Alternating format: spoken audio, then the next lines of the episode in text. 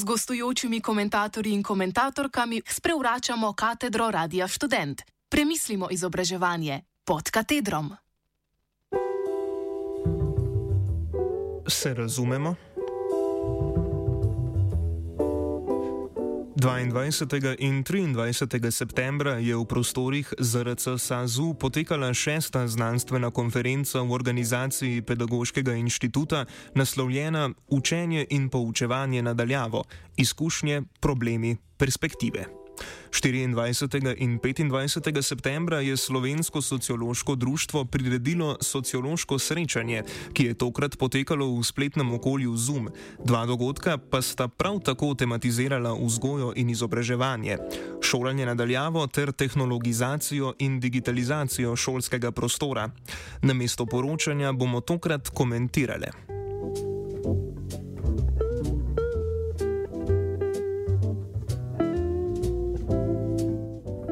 Kaj je značilno za to vrstna srečanja? Udeležijo se jih ljudje z vseh koncev: učiteljice, profesori, raziskovalke, zaposleni na MIZŠ, sociologinje, psihologi, filozofinje in tako dalje in tako dalje. Kaj se na srečanjih zgodi? Vsak predstavi svoj prispevek, ostali včasih komentirajo, včasih ne. Konference in srečanja so prvenstveno namenjena izmenjevanju izkušenj, raziskovalnih ugotovitev, pregledu stanja na nekem področju, predlogom in načrtom za prihodnost, v tem primeru vzgoje in izobraževanja. Natančnejše spremljanje vstopov v neko temo, govornih kodov in dikcije diskurzov, ki jih uporabljajo govorke in govorci, pa pokaže, da se ti med seboj v bistvu ne morejo razumeti.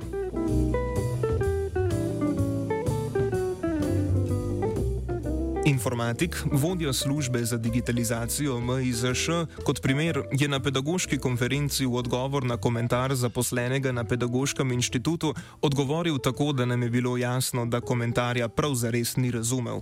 Profesor didaktike z oddelka za pedagogiko in andragogiko na sociološkem srečanju ni razumel poudarkov, ki jih je nizal profesor z oddelka za sociologijo in obratno. To v javnih razpravah o vzgoji in izobraževanju, pa tudi drugih temah, povzroča temeljne konflikte, ki kot ugotovljeno izhajajo tudi iz preprostega nerazumevanja drugega.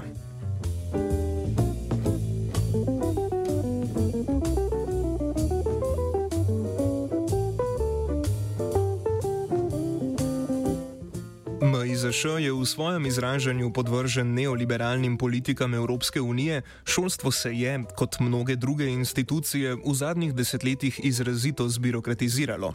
Raziskovalke z inštitutov in fakultet, vsaj nekatere, ohranjajo humanistični diskurs, ta pa je zaenkrat vsaj do neke mere kritičen do neoliberalnega in se mu poskuša upreti. Ko MIZŠ spregovori o kompetencah, vseživljenjskem učenju, veščinah in inovativnosti, citira evropske dokumente, ki pogosto, kot je na sociološkem srečanju dejal dr. Damjan Štefanc, zvenijo kot da bi bili prevedeni z orodjem Google Translate. Nobene koherentnosti misli, nobene vsebine. Nizanje alinej in domnevnih konceptov, ki jih ne morejo razumeti ne zaposleni na MIZŠ, ne strokovnjaki z inštitutov in fakultet. Nihče ne ve, kaj je krožno izobraževanje. thank you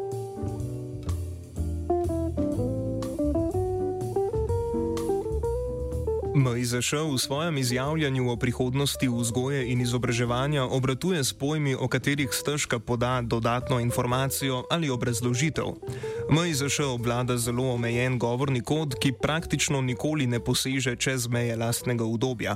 Dokumente o vzgoji in izobraževanju napiše tako, da z njimi nihče ne more razmišljati, zato se vsebina, ki to ni, lahko zgolj reproducira. Zaradi tega MIZŠ izjemno težko komunicira z drugimi deležniki z področja vzgoje in izobraževanja.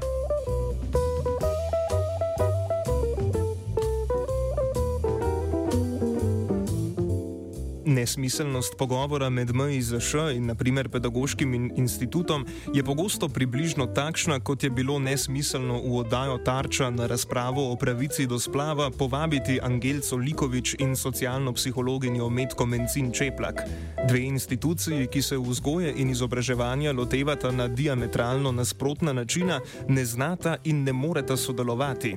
Pedagoški inštitut je tako obsojen na položaj, odkuder lahko le kritično analizira in komentira načrte MIZŠ, medtem ko obratno ne gre. MIZŠ je nezmožen oceniti delo inštituta. Podobno velja tudi za druge pare.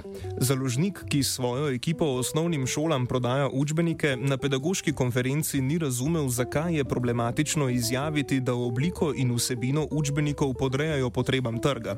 Ni razumel zgražanja skrbnice učbeniškega sklada neke osnovne šole, ki ga je prejel v odziv. Ni razumel, da poslušalke, učiteljice, profesorice, raziskovalke ne bodo odobravale dejstva, da lahko osnovnošolske učbenike in delovne zvezke naredi in na učbeniškem trgu prodaja kdorkoli.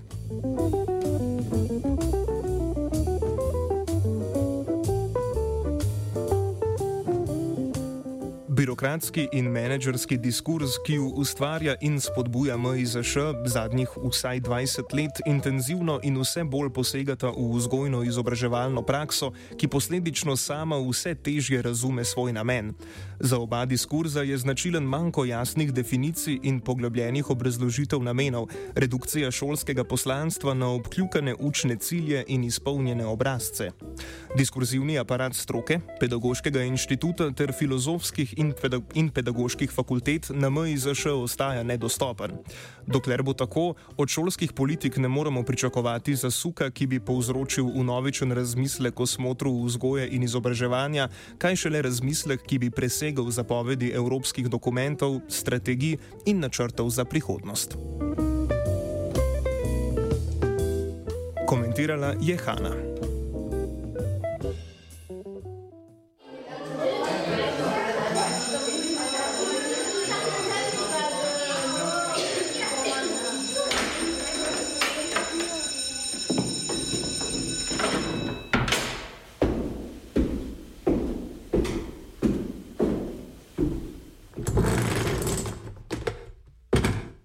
Gostujočimi komentatorji in komentatorkami sprevračamo katedro Radia Student. Premislimo izobraževanje pod katedrom.